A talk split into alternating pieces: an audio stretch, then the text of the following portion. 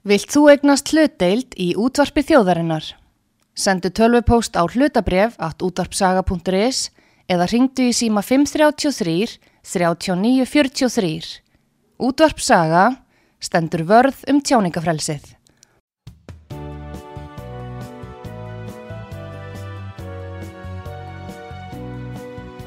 Sýteðis útvarpið á útvarpisögu í umsjón Arnþróðar Kallstóttur.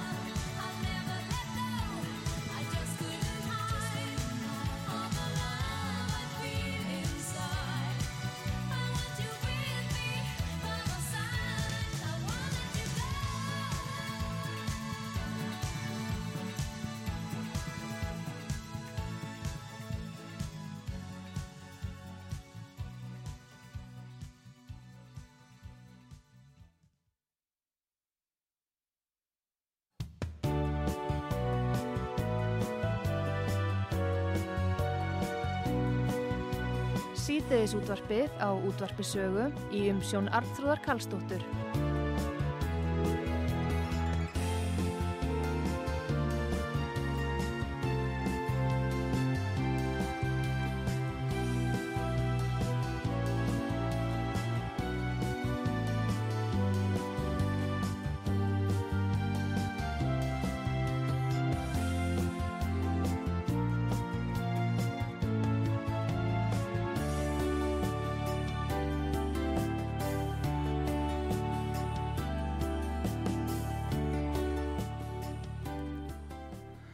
Komið í sæl eh, þeir að hlusta út var sögu Artrúðu Kallstóttir og Pétur Gullusson hér með ykkur. Og eh, við ætlum að eh, fara núna yfir svona helstu frettamálin sem að hafa verið hér bara síðustu sólarhingana má segja. Og við ætlum að byrja á þessum frettum sem að vísipunktur í saði frá í morgun að það fórsættisráð þeirra landsins svarar ekki og vill ekki affenda svarbref frá Úsulufondi legin fórsætta framkvæmda stjórnar Evrópusambansins við erindi fórsættisráð þeirra uh, varðandi kostna við losun uh, frá millilandaflugi Já. Nú, uh, það er mjög merkilegt að heyra það Pétur að fórsættisráðunitið hefur neitað að láta fréttastofu vísis hafa uh, bref frá legin sem hefur svarað þessu erindi og í þessu brefi eftir sem vísi segir að þá uh, uh, geymir þetta bref upplýsingar um yfirstandandi samskipti Íslenska ríkisins við önnu ríki eða fjölþjóðastofnanir. Og það sem aðdraðun til síns að, verði það afhengt sér hætta á að tröst erlendra stjórnvalda eða alþjóðastofnana til íslenska stjórnvalda skadist og að afhending brefsins muni torvilda séð, séð samskipti sem sagt segir í, svari frá fórsættisáðunitinu og þetta er mjög skrítið en það er uh, hins vegar að þetta er sprotti vegna þess að uh, Ísland er auðvitað aðlega Parísasáttmálunum í loftlagsmálum og stiðu markmið fitt for ja, fitt 55 áalluninnar Evrópusambassins og uh, hafið sem stjórnvöld þungar áhyggjur af fyrirhugum takmörkunum á fríum losunaheimildum og tillögum sem við að því að draga úr notkun jarðefna eldsneita og auka hlut umhverfisvætna orkugjafa segir í frétt frá vísi.is og þetta er svona áætlun sem á að- að vera orðin klár 2030 og krafan um það að eh, flugfélög noti vistvætni orkugjafa og þannig að þetta sé ekki hægt vegna mengunar eins og staðinni núna Nú komið að þeim tímapunkti að við þurfum að greiða fyrir stefnuna í lofslagsmálum. já, greiða meira já, greiða en þegar áfara að greiða núna, já, þá kvartar fósittisráþurann, mm, uh, já, ég hef ekki að segja helsti talsmaður þessar hörðu stefnu og ákveðum stefnu í lofslagsmálum. já, hún kvartar undan því að hún kosti alltaf mikið og við eigum að fá einhvern sérstakann afslátt. Já. Kannski vegna þess að hún myndi segja já við erum eiga hér norður í hafi og við þurfum að fljúa í meira mæri en aðrir. Nú býttu nú við. Hver- hvernig að rökst við það að við erum að fá afslátt?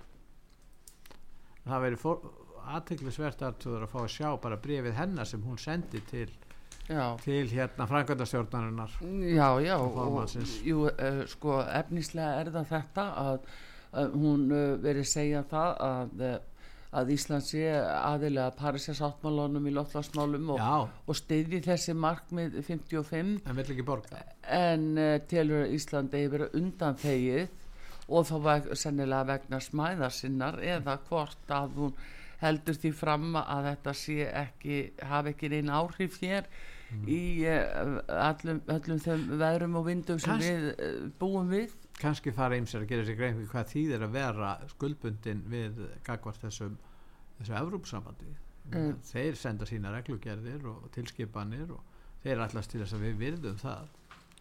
Og þá er bara komin tími til þess að menn gerir sér grein fyrir því. Það sem menn er að tala um artrúður er að við göngum í, höfum samstarf við Evrópu en fáum jáfnframt afslátt eða þurfum ekki að, að standa ströym af kostnaði sem aðra þjóðir innan sambandsins þurfa að bera. Já. Já, það er nú það sem er. með, en getum með við öðrum orðum Íslands stjórnvöld sem að er að styðja sko rótækar aðgerðir í lofslagsmálu vilja geta kökun og eigana þeir vilja altså koma fram sem einhverju helstu talsmenn rótækustu í lofslagsmálum allt þarf að gerast fyrir 2030 eins og í þessu já, já, já, já, en jáfnframt þegar það kemur á kosta og segir nei, nei, það er allt annað. Já og það er þessi, þetta er náttúrulega mjög ótrúverðut en er bara hluti af því vandamáli að þetta afhjúpar þau vandamál sem að eh, hérna, við Íslendingar höfum í okkar stjórnmálastarfi Já. að það er alltaf verið að tala á einn veg en svo, ekki, svo, svo vilja menn bara komast hjá því að þurfa að standa við það sem þeir hafa þó lofa Já, það er nú það sem er, það er þetta er mjög sláandi máli í alla staði því að síðan er það líka þessi sérstaða Íslands og, og eða er hún til staðar yfir höfuð og hvað stöndu við, er þetta svona mengandi eða hvernig er það? Já, Eh, við- teknilega séð hvort þetta sé Já, svona mengandi. já, Og, og svo það, það er málatilbúnaðurinn. Já.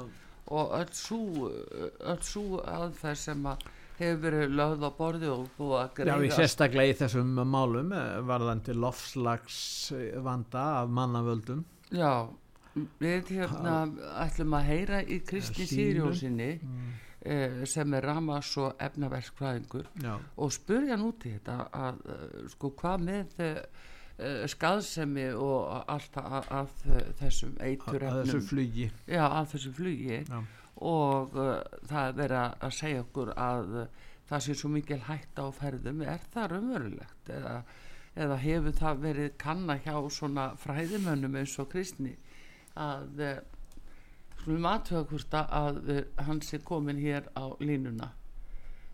Já, Já. ég er hérna. Já, sæl og blessaður Kristinn Sýrjónsson Ramas og efnaverkfræðingur Já, Erðu bless- gaman að, sæl og blessaður og gaman að þess að forvittnast hjá þér í sambandi við eh, þessa fréttir að eh, Ísland eh, hefur sendt bref eða fórsættis á það hefur sendt bref til Úrsulu Fonderlægin sem er framkvæmdastjóri Evrópusambandsins og eh, í því brefi virðist koma fram að eh, Ísland þurfi undan þáu frá þessum kostnaði vegna eh, lo, hérna, losunaheimilda.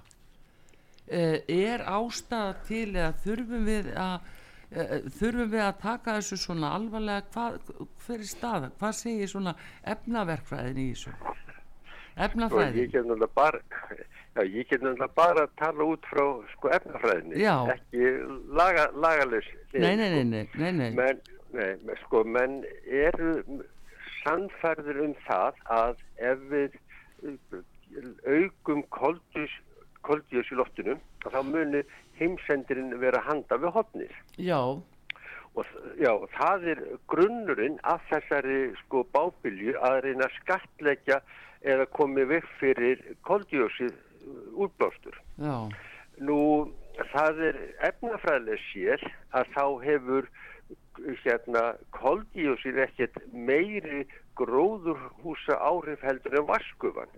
Þannig að vaskufan sem er í loftinu er aðal gróðurhúsa gastjóndin og ef við horfum á jarðsögulun tíma mm, að þá er ekkert samband á milli sko hita á jörðinni og koldjósis. Jörðin er á, á svona eh, köldu tímabili sagt hérna jarðfræðilega já, og hefur oftast verið miklu hlýri.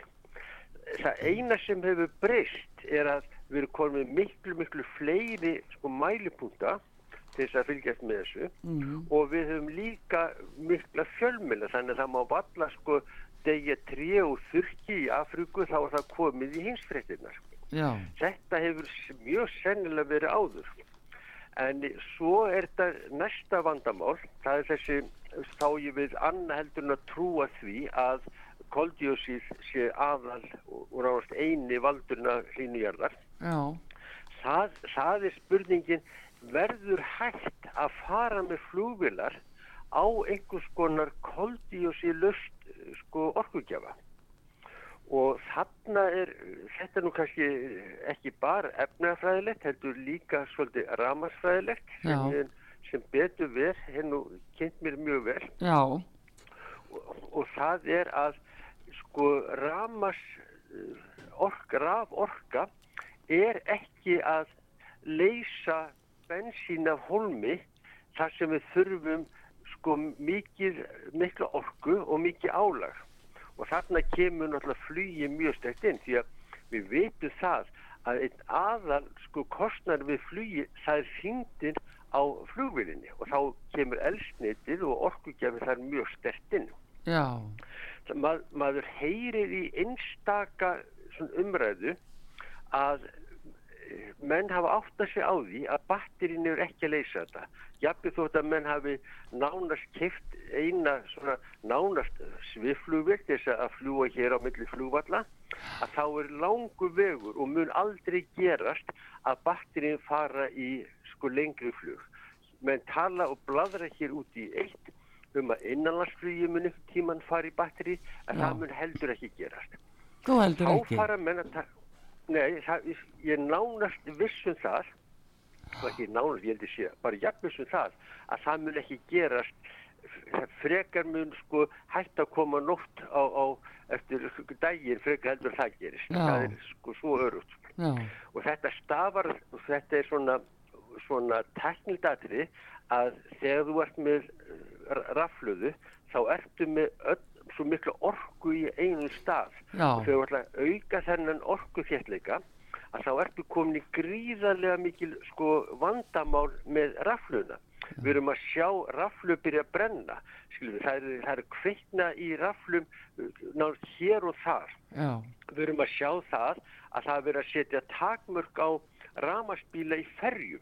Því að þegar kveiknar í ramaspíl í ferju að þá er ekki nokkuð leið að slökk veldin þú slekkur ekki sko bruna í raflu eins og slekkur bruna á, á venjulu fljótandi elsneiti já, það þýðir ekki, þýðir ekki að, að dæla vatni á þenni svo það ger, eina sem vatni gerir er bara halda umhverfunu köldu.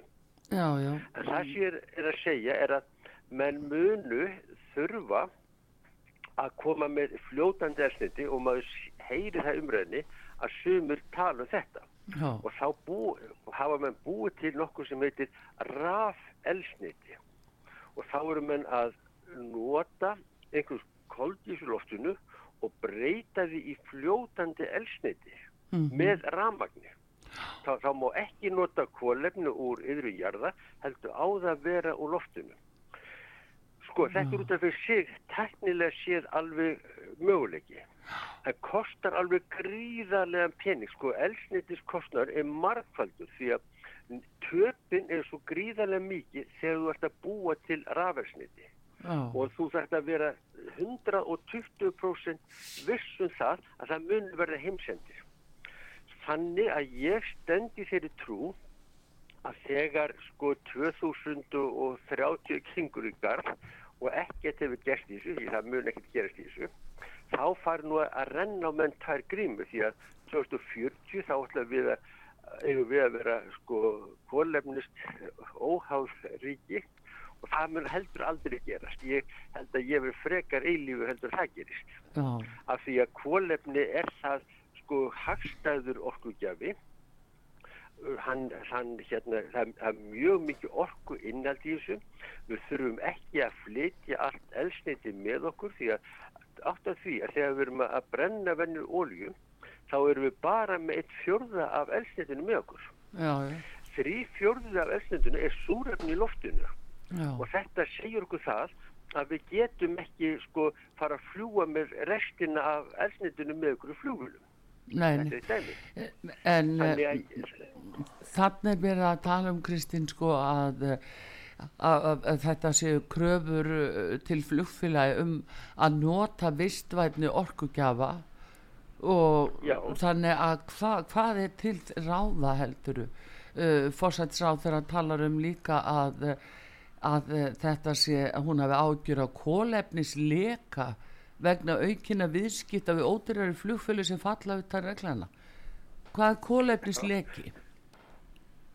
sko það er náttúrulega einhverju sem reyna að fara fram hjá lögunum. Ég þekki það náttúrulega ekki sko lagarlega nei. En, en, en þetta er ekki, sko það sem ég er að segja, þetta er ekki að fara að gerast. Það er það sem ég er að segja. Sko þeir geta komið með skattlöfninguna og þetta verður bara enn einn skattlöfningin sem er með grænum sko hjúp. Já, já, En, en, en, en, en elsniti er ekki að koma í staði fyrir hérna vennileg ólju. Sko Nei. það er þetta rafelsniti, það er teknilega sé þetta verið með rafelsniti sem er bara fljótandi elsniti, svipað óljan. já, Ég held að ég sé alveg hún er ekki alveg eins orkurík, það Mm. er út af svona efnafræði atriði mínir en það sem er megimáli, hún er svo rosalega dýr þetta myndi bara snar auka elsnindis kostnar sko flugfélagana og er hann þó ærin fyrir. Já, þannig að Þann, við, sko, samgöngur myndu, uh, já, gjör breytast í, hjá okkur í rauninni ef að þessi leið væri farin. sko, þegar þú segir gjörbreytast, þeir mun aðalega breytast í verðlagi. Þegar við verðum áfram með fljótandi elsneiti. Það, sko, það sem ég er að segja það, ramast faratæki er fyrst og fremst í innanbæjadóti. Við erum ekki að fara með vörubíla í, í, í rafærsleiti. Við erum ekki að fara með vinnubílar í, í, í rafmagn. Við erum engungu að tala um bíla sem eru í daglögu innanbæjastrætti þar sem getur hlaðið á hverjum degi eða annan hver dag Já, um leið út komið kom strætó, það er alveg möguleiki en þá getur þurft að hlaða hann tvisar á dag, eitthvað þess að þar já, og það verður ákveðið vandamál og þetta er allt bara vegna þess að fólk heldur að koldísir sé sko svo stór hættulegt og, og ég hugsa að, að þegar 2030 rennur, rennur kemur upp í þá á, á að banna sko hreina ramaspíla já, og, og niðurstaðinu svo að það verður bara tvinnbílar og koma þá til með að keira bara á, á meira minna á bensínu, sumir er samvökkursamir og, og, og, hérna, og setja bílan alltaf í hlæðslu en þetta mun aðalega vera í, hérna, í, í bensín sem enn keira en svo er talað um 2040 og það, sko ég myndi frekar halda að 2040 myndi ekki renna upp. Frekar heldur við verðum lausið við koldjósið já, þú eða meinar. vennur fljótandi bestin. En svona eiginlega fyrir okkur staðsett eh, hérna úti í Ballarafi sem við höfum nú stundum talað um og hérna eru vindar miklir og annað eh, er svona mikil eh, mengun frá okkur? Er þetta er þetta Sko- rétt allt saman? Er þetta satt og rétt? Nei, sko, það er í, sko, það, þetta er líka kjæftæði sko, þegar við erum að tala um mengun þá erum við fyrst og fremst að tala um koldjósið já, koldísið er nöysilegt fyrir gróður og, og garðyrkjubændu þeir auka á koldísið í gróðrúsunum til þess að, að auka vöxtin og það tal, hefur verið talað um það að þegar koldísið vex í loftinu þá munum við fá gróðum sælara jörð. Eh, Næsta er köfnefnisoxíð sem svolítið hefur verið minnst á en köfnefnisoxíð hefur ekki svona uppsöfnuna gildi eins og til dæmis eh, þrávirk efni og þess að það heldur breytir það líka bara í ábyrð. Það, rignir hún í jarðvegin og verður þar af ábyrði já, og held, hefur heldur ekki sko neitt eh, varanlega skadilega áhrif menn hafa svolítið verið einblýna á það í hérna mengunamæla í sambandi í Reykjavík og vissulega getur það og það ertir, ertir öndunafærin og, og, og, og getur verið óþægilegt fyrir þá sem eru vikmöðumir fyrir asma en það hefur, sko það rignir mjög auðveldlega niður í rakanum og rigningunni og verður að ábyrði þegar það kemur í jarfið þannig að það er ekki, ekki, vanda, ekki neitt vandamál til þess að hafa ágjur af sko. þannig að sko, ég, sko í stuttum máli þá er ég bara að segja það að þetta er bara bara bull bara, er sjálf sem maður segir þetta sé ekki sko illa aðtúa þetta er bara, þetta er mín sko þetta er hreint og beint bull og bara þess að réttlæta græna skatlæningu um, meinaru að, uh, að þetta sé uh, svona skipulagt til þess að uh, já, til þess að blekja fólk eða hvað maður að halda? Ég meina hvert farið sér peningar sem er verið að borga stöðu til, til loftlagsmála og tekjur ríkisjóði uh, já, með stórar upphæðir? Sko eins og við eh, þekkjum öllsumun að fjárþörf eh, eins OPBR er alltaf endalus, takmarkalus og það þarf að réttlætana með eh, einhverjum eh, jákvæðum sköttum sem fólk hefur, hefur jákvæða, jákvætt viðhorf fyrir. Já, en svo er annað sem hefur gerst að þessar skatlætningar þar hafa ekki farið í það að vinna gegn þessu sjónamiðum heldur fer þetta kannski inn í ríkisítina og er svo nota til þess að stjórna svolítið umræðinu í samfélaginu. Það er til dæmis verið þekkt, sko, maður heyrir það mjög oft, að þeir sem hafa verið að sækja um styrki í svona rannsóna styrki og það gríðarlega mikið um það í dag að bara við það að breyta sko áherslum í rannsóknum að þá fá menn sko styrkina. Og ég heyrði um eitt sem var búin að segja um aftur og aftur um styrk fekk aldrei en svo breytt hann einhvern veginn áherslunum þannig að það fekk betur í kramin og þá fekk hann st- styrkin Já, þetta er, þetta er besta leiðin til þess að hafa áhrif og stjórna viðhorfum í samfélaginu. Þú ert að tala, þú ert að tala um pólitísk vísindi. já, já, akkurat, pólitísk vísindi þú ert að tala um sennilega besta orðið yfir þetta. Já, það er það. Og, ég, og, og þegar þessi peningar fara ekki sko, beint í það sem þeir að vinna gegn þá er, ertu bara komin í svona sj- sjóðstreymi þar sem þú ert að stjórna vi- viðhorfunum. Og það er lungu búið að tala um það að það er hérna, ekki hægt að taka alvarlega marka fólki nema það sem komið á eftirlu. Ég myndi til dæmis aldrei segja þetta ef ég veri ennþá lektor við háskólas. nei, einmitt, einmitt. Nei, nei, Það- þá bara missir fólk uh, kannski vinnuna, það er nú. En, uh, Já, já, vinnuna og, og, og alla þá fyrirgreiðslu sem fylgir þessum sko styrkjum. já, Og það sem er svolítið vand ef þú skoðir í dag, það er gríðarlega mikið rannsóknar vinna sem er í dag, það sem við erum með doktorsverkefni. Það er nánast engin maður með mönnum sem er lokið háskóla nema að hafa lokið doktorsnámi. Já, þessir aðla sækja allir um styrki. Þetta er það sem sko, við erum að, að eigða þessum peningum í. Og þú stjórnar algjörlega rannsóknarverkefnu með því að velja hvaða rannsóknir fá styrkina. Já, já, já, já. Það er eins og með nýsköpunina líka, sko, það er kannski að sama með. já, já, það En, er alveg hérna, nákvæmlega sama. Já, en þessi áætlun 55, eh, FIT 55, uh, það er gert ráð fyrir því að þarna verði mikla breytinga 2030 og uh, hvað geta flugfélagin til dæmis, hvernig geta þau bröðistu núna? Eiga þau þá vona því að það verði settar hömlur á flugumförð og trafík sem að, að, að þeir standa fyrir? sko eh, í framhald af því sem ég sagði Já. þá sé ég ekki neinar sko teknilega lausnir í sjónmáli.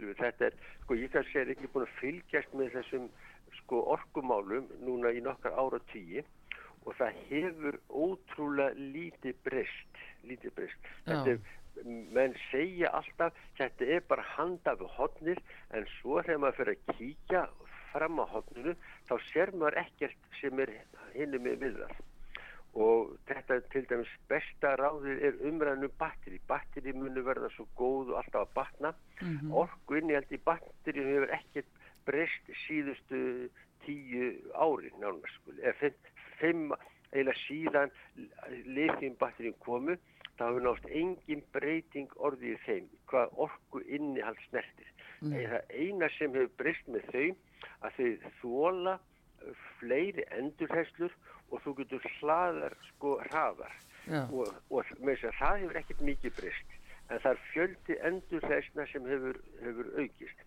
það, en þegar kemur þessu allra mikilvægast sem er orku innhaldið það hefur ekkert breyst núna bara nánast í síðust, ég er þessi fimm ár sko. Nei, en þannig að En þú, þannig- þú útilokar algjörlega notkun á þessum uh, ramas uh, batteríum uh, í flugi, Já.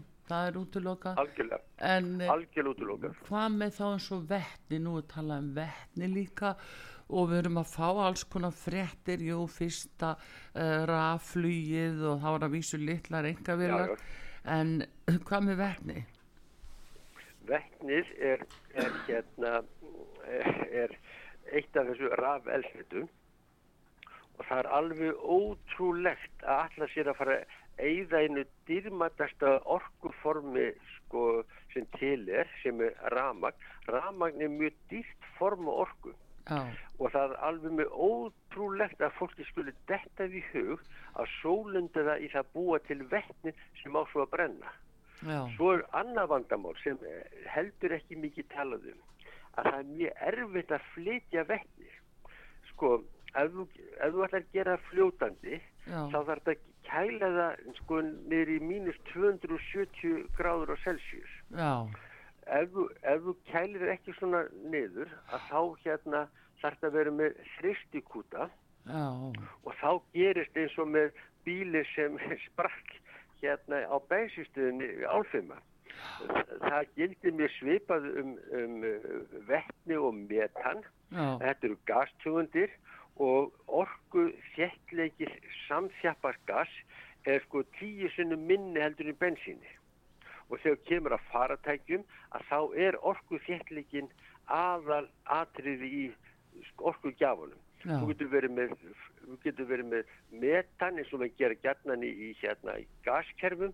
Uh, jargas er aðalega metan, við getum sapna segja í tanka sem hefur bara staðbunna tanka sem er bara með tvöfaldar loftistingi eitthvað þess að þar og svo er þetta bara dælt út til neytandur eftir þörfum, gaseldavélum, hýtakerfum og þess að þar já, en þegar kemur af, af faratækjum þá skiptir þingdin per sko hérna kílóvött langmestu máli, það er það sem skiptir máli. Og þar er vettni ekki að koma inn, ekki hérna metan en neitt af þessum gastöndum. Það er eitt efni þar sem er, sem er, er hérna gengur, það er bara fljótandi elsniti og þá hafa með fara út í þetta rafelsniti sem er þó oftast me metanól. En það er bara gallin við það þegar þú að fara í metanól þá ertu með svo orku lítið, það er með orku minna heldur en sko ólja, já, ólja og verður þessna mjög erfitt að setja það í sérstaklega í langtímaflugi sko. já. Þannig að það sem er þá sammert með líka með þessum leiðum sem við erum að tala um, það er kostnaður við það, þannig að, að já. verð á, flugi myndi hækka á verulega. Já, já, já. Já. Og, og þess ég segi, þessi orkugjafur ekki koma inn, það sem mun breytast, það er bara koma inn skatlætningin inn. Þetta er ekki breytast með, með fljótandi elsniti. Nei, Það, það. það, verð, það verður bara skatlætning. Já, Og ég held að það muni ekkert breytast annað en bara verði hækkar út af skatlætningu til þess að réttlæta sjóðakerfið. já, já, já. Já, það er nefnilega það. Heyrðu, þetta voru, þetta var, uh, voru merkilegar upplýsingar, Kristinn, maður kemur nú ekki að tómum kóanum hjá þér, svo sannlega ekki, Nei. en bestu þakkir Nei, nei. fyrir að- verða við Já. þessu og uh, hafa það sem allra best. Takk að þið fyrir. Kristinn Kristinn fyrir. Takk fyrir. Takk. Ramax og efnaverkfræðingur og fyrrum lektor við Háskólan, Háskólan Íslands, nei Háskólan Reykjavík fyrir ekki. Og um, hann var klár á þessu svið og veit heldur betur hvað hann ringur. Ég segi nú ekki annað og hérna, hann var að gaggrina pólitísk vísindi. Já, en en er þetta allt. er líka rosalegt og svo, veistu það, að svo er svo skríti Pétur að uh, ef þú leitar til þingmanna um þetta þá eiginlega segjast þér ekki uh, sko hafa lesið er sér til. þá er þeir alveg einhverju kjánar sem að fylgja ekki vísindun já, já, það er þeir eru náttúrulega ákveð, þeir eru svolítið hrætti við það. Það er ákveðin aðferð Já. sem er notuð á fólk sem að efast. Já, það, meina, við erum flest öll leikmenn á þessum sviðum. Já, sambandi við raunvísind og annað. Og þegar að hérna og þess vegna er svo slæmt að það er búið að tengja stjórnmálin við sjáum það í lofslagsmálunum, við sjáum það í varðandi bólusetningarnar, við Já. sjáum það í heilbriðiskerfinu og það er tvent, það er bæðið þetta orðið pólitíst og svo líka er það ákveðnir aðalega sem sjá möguleika á stór græða á þessu og, og það er þetta tvent og þegar þeir ná saman Mm. þeir sem vilja græða á þessu og þeir sem vilja pólitíska breytingar á Já. þessu og misnota alveg saman vísindin en telja sig vera fulltrúa fyrir hinn raunverulegu sannindum já, já, vísindi. já, er, og, og hafa síðan fjölmiðlana með og þá verður til þessi staða sem við og svo halda þessar stóru rástefnur og, og, og, Og allt og blásið svo mikið upp í og kringu það. rannsóknarstyrkirnir renna til þeirra sem eru hlýða, kunna hlýða og, og eru, eru mjög kannski bara snjallir að mörgu leiti já, já, en sjá fram á mikinn hagnað með því að, að það kannski betra að hlýða og svona beigja af svolítið já, já, ná í já, styrkina eins og hann var að lýsa já, já, þetta var merkileg lýsing hjá Kristni einmitt, hvernig fólk uh, spilar þá inn á kerfið og reynir að aðlagast uh, stjórnvöldum sem eru með þetta á sínu borði að bæða veita styrki og, já, styrki til nýsköpuna líka að hafa þá þannig að það falli kramið hjá þeim. Og svo er þetta tengt tísku líka. Já, það er svona Já, hérna, þessu. Heyrðu, en uh, þegar að hlusta út af sögu, við vorum að tala við Kristinn Sigurjónsson, uh, Ramas og efnaverkfræðing uh, og fyrir lektor við Háskólinu Reykjavík, en við fáum auðlýsingar núna hér og komum svo aftur og höldum áfram að ræða um stórmál.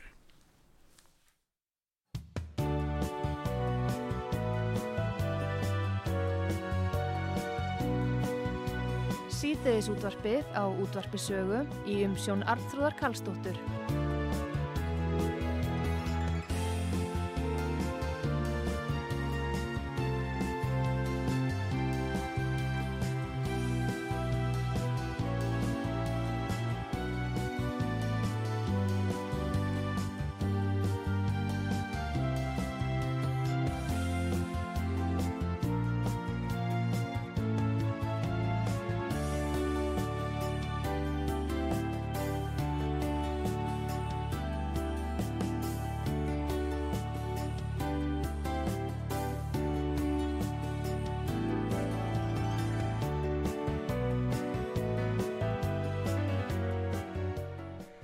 Þið sæl aftur þegar að hlusta á útvarsögu Artrúðu Kallstóttir og Pétur Gullusson hér með ykkur, við vorum að tala áðan við Kristinn Sigur Jónsson Ramax og efnaverkfræðing og við vorum að tala við um við vorum að tala um mengun og, og pólitísk vísindi Pétur, já, já.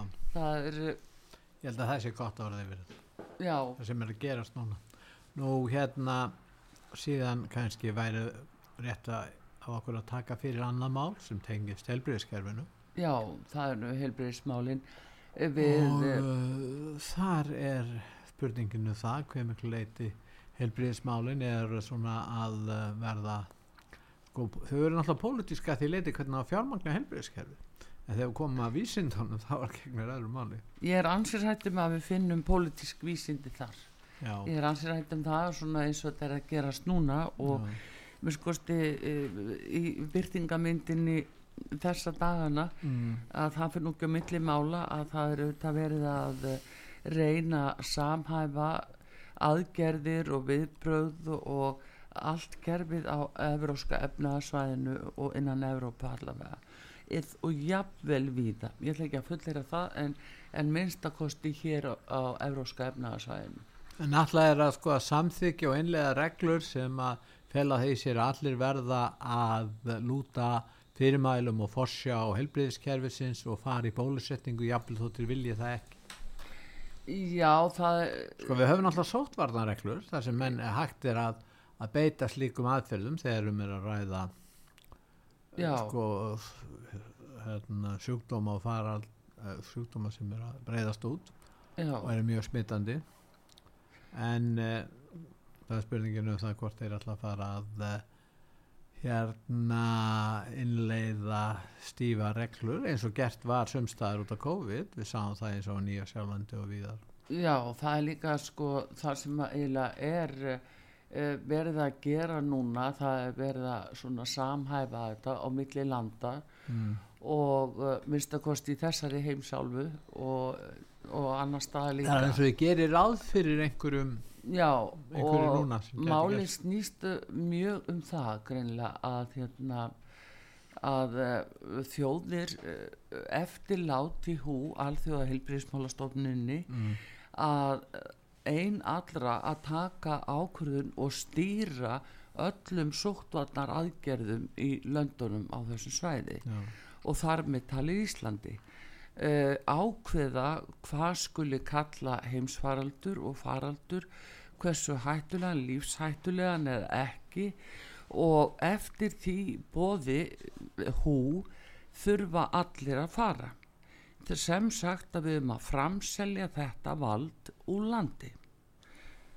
Framselja, já Já. það er að segja hluta fullveldu okkar já, í heilbriðsmál um það snýst málið og það er byllinis komið núna uh, hérna frumvarp uh, frá heilbriðisáþra uh, og reglugerenda líka frá honum inn í samráðskáttina og þar sem að, að það er kveðið á um sko nánari útfærsla á þessu og, og það sem að auðvitað margir taka eftir að það er þessi endalausa uh, sínilega krafa um það að það séu möguleika fyrir sóttvarnari yfirvöld að ná öllum landsmunum og bólusetja alla með mRNA efni eða hvaða efni sem þeim dettur í hug og sömuleiðis að, að græða eh, eða setja íhluti í fólk eh, rista skurð á húð og uh, þetta er eh, náttúrulega mjög óhugnalegt það sem er verið að gera. Var að nota heilbriðskerfi til að hafa eftirlit með fólki. Já miklu meir en það. Þetta varða náttúrulega líf og heilsu fólks Já. vegna að það hefur ekki verið sagt frá því hvert innihald þessara efna er í raun og veru. Innihald sprautana til dæmis. Öll þessi tilraun sem er búið að vera að gera á heilu þjóðunum með þessum bólusetningum ímist fyrst frá AstraZeneca, svo Janssen síðan Pfizer svo hérna fleiri og fleiri skiluru þannig að það er búið að- vera að gera þessar tilraunir núna uh, í tvö ár Þetta hljómar eins og vísindaskálsaga þannig að fólk á erfitt með að trúa þessu. Já, það er það sem er og það er ástæðan að fólk uh, náttúrulega trúir því ekki að það sem verið að Nei. Plata það á nokkuð Sem er óskup eðlilegt, Já, fólk vill ekki, vill ekki trúa þessu og erfitt fyrir fólk að trúa þessu. að sjálfsögðu. Það er Það- kerfið eh, þrátt fyrir allt eh, er búin að eh, býr yfir ákveðnu trösti sem að menn vilja Já, og þarna sko hafa, eru nú kannski þjóðir misjaflega velstattar að því leiti hversu miklar upplýsingar sannar og réttar hafa borist inn í til, til uh, fólks almennt. Við hér á Íslandi höfum fengið mjög takmarkar ellendafrétti til dæmis og þá hina hlið mála og, og hvað hangir á spítinu og svo framvegist. Það er gjörsalega einhliða fréttaflutningur meira að minna sem hefur verið á Íslandi.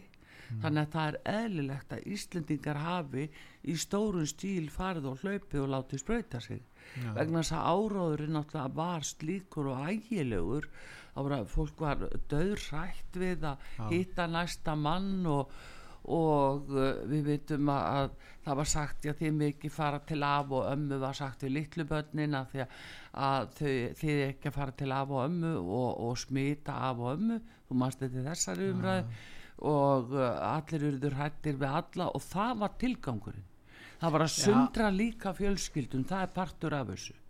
Að, að þetta er nefnilega svo anstíkileg áætlun að það er líka verið að- sundra stórfjölskyldum fólk hætt að koma saman þú veist koma ægileg veikind upp af þau eru jól og páskar allt loka, búið til litla búblu, bara fimm eiga að vera við borðið og svo framvegis. Þetta er allt skipulagt. Já, en var þið ekki heldur ekki að hafa verið svona uh, já, góður eða jafnvel göfugur ásetningur hjá þeim því fólki sem koma að þessu og vann við þetta. Jú, þeir sem að unnu þetta er náttúrulega eins og stundum er sagt nýtsamir saklýsingar Já. og eru bara að vinna sína vinnu og þeim er fyrirskipað og að, að gera hlutina svona og hvort sem það er innan heilbyrðiskerfisins eða annar staðar að þá á fólk ekki annar að kosta völ en að bara hlýða þeim bóðum sem það fær af því að fréttaflutningurinn inn í landið er svo lélegur. Og fólk trúi því og treystir að, að það sé að marka það sem sagt er í þessu. Og, og hvað á að segja? Jú, svo núna til dæmis verið að gera að vera að sína núna mynd sem heitir Stormur sem að gengur aðalega út á það að elda fólk og, ég, og, í gröfuna skilur það að vera að sína frá döðursvöllum og hvað fólk hafi nú dáið út á COVID og þarfram til göttunum þetta er alltaf alveg skelvilega ömulegt að sjá þetta. Það nokkrir og nokkur, jú, jú, það var það en, en jú, það var látið mér sko heita COVID. Mm. en svo hérna það hefur ekki, ekki vilja verið- þeir hafa ekki vilja ræða neitt um uppruna veirunar nú allt í einu skiptir það við Já, ekki já. tala um það En það er kannski tvent sem að menn hafa nú gaggrind í þessu. Það er Mm. fyrst alveg út af börnunum að, að það þurfa að bólusetja börnin já, og hérna það er nú kannski það sem hefur, hefur verið gaggrind fyrst og já, fremst já, að verið sé að bólusetja vegna þess að, að það líka ekki nægilegar upplýsingar fyrir um það nei hvaða áhrif þessi efni hafi á og hvort það hafi hérna valdi heilsutjóni hjá fólki. Og það er nú svolítið svona Sko það er alveg sér til þess að svo þeir eh, læknar og sérfrængar sem hafa efast um þetta og mitt varabilin í svið því að bötsi og bólusett og undir uh, kynþróskaldri mm. að þá bara hafa þeir fengið bátt fyrir og það bara Nei, til það er þess. margir læknar sem hafa gagnum þetta. Sérstaklega var gert með þess að helbriðis yfirvöld á, á Norðurlandum Já, þeir uh, töldu að það væri ekki ástæða til þess að bólusetja börn. Þeir eru miklar efsemdur um það með þannig að þetta var ekki bundi við einhverja sérvitringar sem var á móti bólusetningum almennt. Nei, þetta er ekki sko, það er bólusetningar eins og, já ég segi nú gjarnan eins og við þekktum hér í eina tíð, Mm. þetta er allt annað, þetta er líftæknilið, þetta er mRNA og uh, þannig að það er allt annað. En heldur að það verði einhver tíman uh, hérna upp svo stund að þetta verði rannsakað? Og því sanna verði leitt í ljós? Já, heldur að það, það við verðum bara vona, vona að það gerist Nei, veistu að Pétur sko að eh, ég eh, bara verða staldra við þetta að þetta er ég að upplefa sem enn eina blekkinguna gagvart heilu bara heimsálfunum sem við erum að upplefa núna þessa dagana. Eh, við hér á Íslandi tilirandi evróska efnaðasvæðinu förum ekki varhlut að þessu en þetta er enn einn blekkingin. Það er líka stefna sem að virðist vera algjörlega bannað að tala um og, og miskusti fer ekki hátt og ég sakna þess að sjá ekki einhvern alþingismann hreinlega rýsa upp og ræða þetta. Það eru út frá heimsmarkmiðum saminuðu þjóðana sem allt snýst um og þar er beilinnis ætlað að fækka mannfólki. Þá verður búið að fækka fólki svo og svo mikið árið 2030 ég býð einhvern alþingismann að gefa sér fram og koma hér í viðtal og út á sögu og segja okkur frá því hvað það felur í sér fólk situr inn á þingi og jú, þykkulögn fyrir að sjálfsögðu. En hvað með svona stórmál hvað þýðir þetta að það eigi að fækka fólki eins og hér á Íslandi? Hversu mörgum á að fækka? Hvernig á að gera það? Og í hvaða forgámsröð Hva, hvað er það að gera? Er einhver alþingismæður sem er tilbúin að svara þessu? Er það að tala um Nei, það? það er bara mín reynsli svo þau segjast ekki hafa kynnt sér málið. Það eru svörin og það er það sem er alvarlegt. Á hverju stendur þetta í heimsmarkmiðum saminuðu þjóðana er ekki fjöldin allur af þingmunum til til að nýkomuna að rástefnu frá saminuðu þjóðana ég veit ekki betur. Hvað var sagt um þessa fækkun og fólki? Og hvað var sagt að, að það var í samhengi við þessar sprautur? Það má ekki ræða það einsinni og veistu það, ef að einhver spyr þá sagt, já, heyrðu, þetta er samsæriskenning slíkur og ómerkilegheitin í kringum og hræðslan og En- en ummyggjaskapurinn En, að en fóra ef, ekki við- að ef við höldum okkur við einstök mál til dæmis aukin dánatíðni já, hvort það hefur komið fram fullægandi skýring á því hvers vegna það var aukin dánatíðni á ákveðnum tíma til dæmis í fyrra já, já, bara eins og núna er að koma í ljós. Já, ég meina nú- við leitum e- til landlækningsembatsins núna Mm. út af saga og við báðum um skýringar á þessu og það er náttúrulega eh, sko þorir enginn í viðtal þaðan á, það, á þeim bænum. Já, en, en sko þetta Og- er svo erfitt fyrir fólk að trúa þessu. Það bara trúir þess ekki þess að ég var að tala með vísindaskáldsóna menn Já. að lesa um þetta í vísinda en ef þetta skulle gerast e, e, í því þjóðfélagi sem fólki býr að þessi komið svona fram og þessi stemta ákveðnum uh, hérna, ákveðnum markmiðum sem eru algjörlega siðlaus já, og enga skýringar á því og síðan þegar að koma upplýsingar um til dæmis aukna dánatíðni við erum ekki að, að tala um 42% hærri dánantíðinni 43% já, já, 43, ég meina Á Íslandi. a- hva, hvað er skýring, það fyrir að gefa fullnægandi skýringu, hvers vegna er þetta og hvers vegna? Já, ég er að segja það. Að það sko reyndi að fá einhvern þingmann til að koma hérna í þeir, þeir, og ræða get, þetta þeir við get þig. ekkert svara því, því þeir það. segjast ekki hafa vita á þessu. Nei, ég hef ekki vit á því. Nei. en ég minna, akkur fá þeir ekki upplýsingar hjá landlæknis þeir byrja ekkert um upplýsing Landlæknisembati sagði einfallega að þeir væri með öðruvísi útreikninga heldur en Eurostat sem byrti þetta. Og maður veltir í fyrir sér nú gera er þá aðtóasendir við útreikningana hjá Eurostat? Uh, ekki með kunnum dagir gerir það. En þeir sitju uppi með það að svara ekki íslensku þjóðinni og, og hérna á hverju þetta stafar og í hversu miklu mæli þetta er í beinu samhengi við bólusetningu eða sprautun á fólki. Ég mér nú illa við að kalla þetta bólusetningu nú að segja svo er.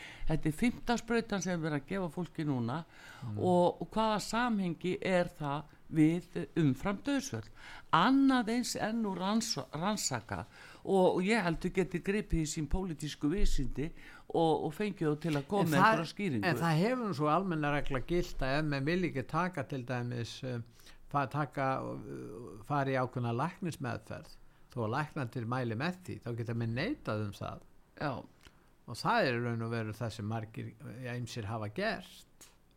Akkur ættu þeir þá að snúa þessu við þegar það kemur að þessum, þessum sprautum? Já þetta er í raun og veru alveg rosalega alvarlegt er að gerast núna vegna þess að í þessum, þessum frumvarpi til sótvarnalaga eru þessa breytingar þar sem að, beilinnis er verið að sko að gera ráð fyrir skildubólusetningu en það er falið gríðarlega inn í orðalæginu og sem sýnir nú best sko þú meina að sé hægt að leyndarhyggjuna á- tólka reglugerðina að hægt sé að segja við einstaklinga hann verða að gangast undir þetta því það megi tólka reglugerðina með þeim hætti. Já, sko, annars Það vegar megi lesa út úr henni er náttúrulega, uh, sko, bara annars vegar er náttúrulega bara í orðskýringum með frumvarpinu. Orðskýringu með uh, já. og það er alveg skýrt hvað þar kemur fram. og uh, Ég átti viðtalið mitt við þingmann um það. að Og Birgir Já, á sínu rifju- tíma Já, við rifjuðum upp hvað eitt þingmaður, hvernig hann skilgreindi þetta sem var hjá honum. það var sem- enn blekkingin við alþingi Já, það var bara já, sá sem sá sem talaði fyrir málinu á þingi að hann Og blekkti þingi í Birgir. Já, og uh, Birgir Þórhansson, hann uh, rak augun í þetta, eitt þingmanna að það væri ekki allt með feldu hvað væri verið að gera, að stinga gött á húð og, og rist, rista skurða húð og græða, setja í hluti í, þannig að hann átti að sjá því að þetta var ekki allt með feldu og ég get nú ekki orða bundist en að, að, að, því sem að, fólk er svo hrætt að tala um þetta. Við eh, hefum verið að reyna að fá eh, bæði ráðherra og þingmenn einstaka til þess að, og hvað þá sóttvarnalækni og landlækni til að koma hérna og tala um þetta og upplýsa um þetta. Og það þorir enginn. Það verða allir hrættir þau að sammert að vera bara hrætt við að þurfa að tala um það. Og, uh, og þess vegna neðist maður nú til þess að, taka þetta sérstaklega upp. Því að það er líka jafn alvarlegt að þjóðin fá ekki að vita hvernig þau ætla að gera þetta núna og hvað tekur við það er inn í sótvarnar lögunubelinni skert ráð fyrir því að það má sprauta hverju sem er í fólk og það má og leita atbeina lauruglu við að handtaka fólk og sækja það Sækja inn á fólk. vinnustað eða heim til sína eða hvar sem það til þess næst og taka það og sprauta þessu efni hva, hvaða efni og þeir tala um framandi efni. Framandi efni til dæmis mRNA líftaknilif sem að, að er inn í þessu efni núna sem þeir og eru að það er engar takmarkanir settar á Nei. það hvað telst vera framandi Nei, heldur bara takmarkanir. Þessu er lægt inn í textan og síðan núna er nú toppurinn algjörlega að það er nú reglugerðin nýja frá heilbyrðisáþra eins og hvað hann er nú skínandi góður maður þá er alveg sorglegt að sjá þetta koma frá honum og ég veit til ekki menna sko, og ég segi síðan hvenær allar framsunaflokkurinn að vera ábyrgur fyrir þessu? Ég menna eh, þetta er sko, þetta er hryllilegt fyrir flokkin að, að standa fyrir því að uh, krefjast skildubólusetninga á fólki. Hvernig og uh, hér er til dæmis skilgringun og orðinu vottorð. Já, það er lýsing heilbyrðistarfsmann á já sams vottor altså úr sjúkraskrá. Já, já, það er lýsing heilbyrðistarfsmanns á samskiptu sínum og sjúklings sem hann hefur sjálfur veitt heilbyrðistjónustu og byggir á því sem hann veit, sönnur á og fremur í sjúkraskrá sjúklings. Já. Vottor eru gerð fyrir beðinni sjúklings eða opinbera aðila. Já. Og svo kemur líka í 50 greinni í reglugerðinni heilbyrði starfsmunum er skilt að láta hennu opinberi tje vottorðum sjúklinga sem sagt að eh, ef að heilbyrðisjöföld segja nú kemur bóluefnapassin og þá verða heilbyrðistarfsmenn að senda upplýsingar um hverjir eru bólusettir og hverjir ekki. Þannig að uh, þetta gæti ekki verið skýrara og Þú meina að sé verið að rjúfa trúnaðarsamband læknis og sjúkling Já, algjörlega. Og það sem meira er að það sem er ómerkilegt í þessu og ég segi, ég á erfitt með að trúa þessu á framsunaflokkin en því miður þá er þeir með þetta að það sem þeir kalla vottor heitir öðru orði bólusetningapassi á íslensku. Skulum hafa íslenska heitið yfir það en það er búið að læða þessu svona í reglugerðina.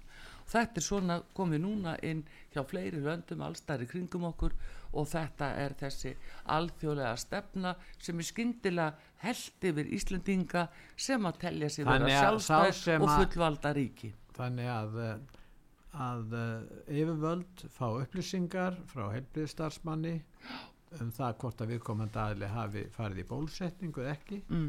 og ef hann hefur ekki gert það þá glatar hann ákveðnu réttindum í samfélaginu Já, sko, ef hann hefur ef hann, fær ekki að ferðast Já, þeir sem er ekki með bólu, bólusetningapassan þeir sem verð ekki meðan á sér Já. eða inn í kerfinu þannig mertir Já. þeir fá ekki heilbriðstjónustu þeir fá uh, ekki hérna bankaþjónustu. Þeir eru alveg fyrir utan kerfið. Þeir fá almennt enga Já, þjónustu. það, og jafnvel uh, kemur, að, kemur að því að það verði einhvers konar takmörk og hindrun á aðgangi að, að matvælum og þá uh, raforku og, og, og fleiri, bensin og bíli. Það er nú þannig. Já, til þess að knýja fá fólk til já, þess að það er verið að pína alla og þetta Já, er og ef það rosalega gengur ekki þá er hægt að beina beinum aðgerðum það segja með löglu já, lauruglan bara að- senda fólk og, og hérna látin taka fólk með valdi og það má loka fólk inni og ef það streytist á móti og taka það með valdi og beita sérst öllum valdbe valdbeitingar aðgerðum sem að mögulega sem að eru. löglu valdi yfir. Já, og síðan uh, sko öðlast heilbrigðisstarfsmenn því það að líka mín að eh, ríkisvaldið hefur einhver rétt á beitingu afbeldis Uh, Ríkisvaldi hefur enga Einkarétt. leifi á valdbendingar aðgerðum, já, það er rétt. og En svona er nú þetta og þetta er það sem er verið að gera hérna á Íslandi. Ég ætla að segja ykkur það, minnstakosti, svo við höfum þá gert það. En uh, ég byrð fólk virkilega að huglega uh, hvað eru alvarlegi hluti sem að eru í gangi þarna og uh, ég hvet ykkur virkilega til þess að tala við þingmenn ykkar líka og byrja þá En að setja sig inn í heldur mál. að fólk margir er ekki bátt með að trúa þessu? Jú, eðlilega. Eðlilega af því að það komið svo aftan af fólki. Þú veist, það er ekki sagt sagt það er bara verið að tala um þetta sér nöysilegar aðgerir út af sér þú almanna hagsmun almanna hagsmunir, mm. alþjóðasamfélagi alþjóðasviðskipti þú sér bara í nýjasta brefinu uh, frá Úrsulufondi lægin það má ekki eins og niður byrta það. Og vegna þess að það stykki svo alþjóðasamfélagið það, það öðrum orðum það, er, það verið að styggja fólk. Fólk þið vil vita það vel að fólk á erfitt með að sætta sig við upplýsingar sem Já, að það eru að sést- senda millis sko undirferðlið í málinu sérst það sést alveg hvers konar undirferðli er í gangi það er svo gríðalegt undirferðli en það hins var er, heitið yfir gagsægi á hátíðastund en ekki gleyma því að, hlut, hlut af þessu er líka að takmarka tjáningafrelsi já, já, og þannig að, að það verður lítið svo á að þeir sem er ekki sammála þessum aðgerðum eh, stjórnvalda að þeir séu knúnir áfram af hatri á stjórnvaldi og öðrum aðgerðum þeirra. Og þess að banna þessu fólki sem þannig er eh, að hafi frammi orðræðu sem stangast á við stefnu Já. Þess vegna hefur- að við, við mögum alveg búast Jú. því að, að það er þess vegna sem Pétur. fórsetisráð þeirra svo upptekinn af þessari hatusorðræðu sinni hún hefur náttúrulega talað mest fyrir hattusorðræðu uh, og núna Já. uh, um liðin missiri og það er alltaf að skýrast betur og betur hún er alltaf að kljúa þjóðina og síðan til þess að geta stimpla og búið til hópa sem allir eiga að hata og fyrirlíta og það eru þeir sem að, að til dæmis uh, gaggrina hérna, aðgerði stjórnvalda og þessa bólusetninga aðgerði sem er ekkert annað en eitusbrautur þeir sem eru að gaggrina uh, hérna það að, að, að umræ, gaggrina umræðina um loftlagsbreytingar að mannavöldum. og það er líka hattusorðræða það er eins og Kristín áðan. Uh, ég meina þegar að menn sem eru alvöru vísindamenn já,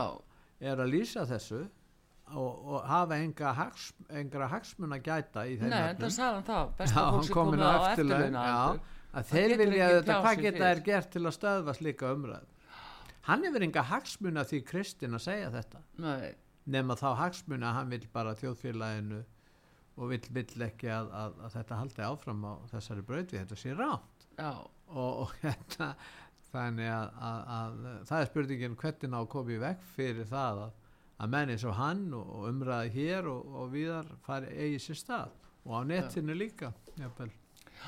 það er nú það sem er.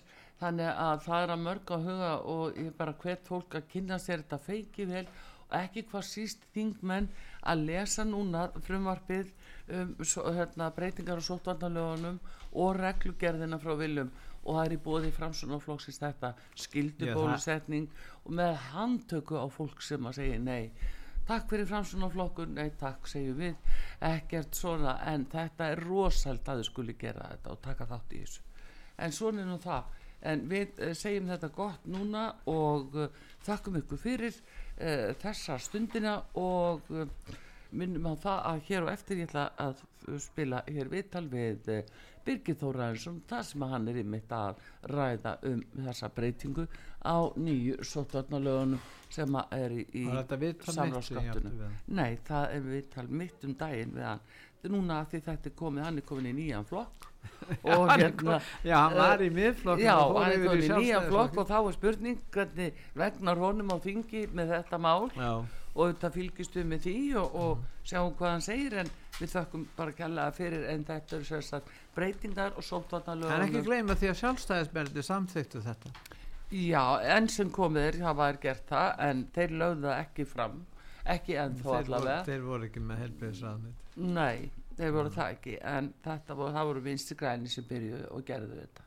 Eru náttúrulega fyrst og fremst ábyrgir uppaflega en þetta, þetta var nú stjórnan fyrir margt það komi allir að því í stjórnin já, verður ekki afsakað Heyrðu, Ég afsaka, ég er alls ekki ég ég er bara á- að benda að það eru fleiri segir heldur en þeir sem þú ert að tala um. Já, heyrðu, við þakkum kærlega fyrir Artur Úrkallstóttur og Pétur Gullursson Takk nema að Bræði Reynisson verið í sæl. Verið þið sæl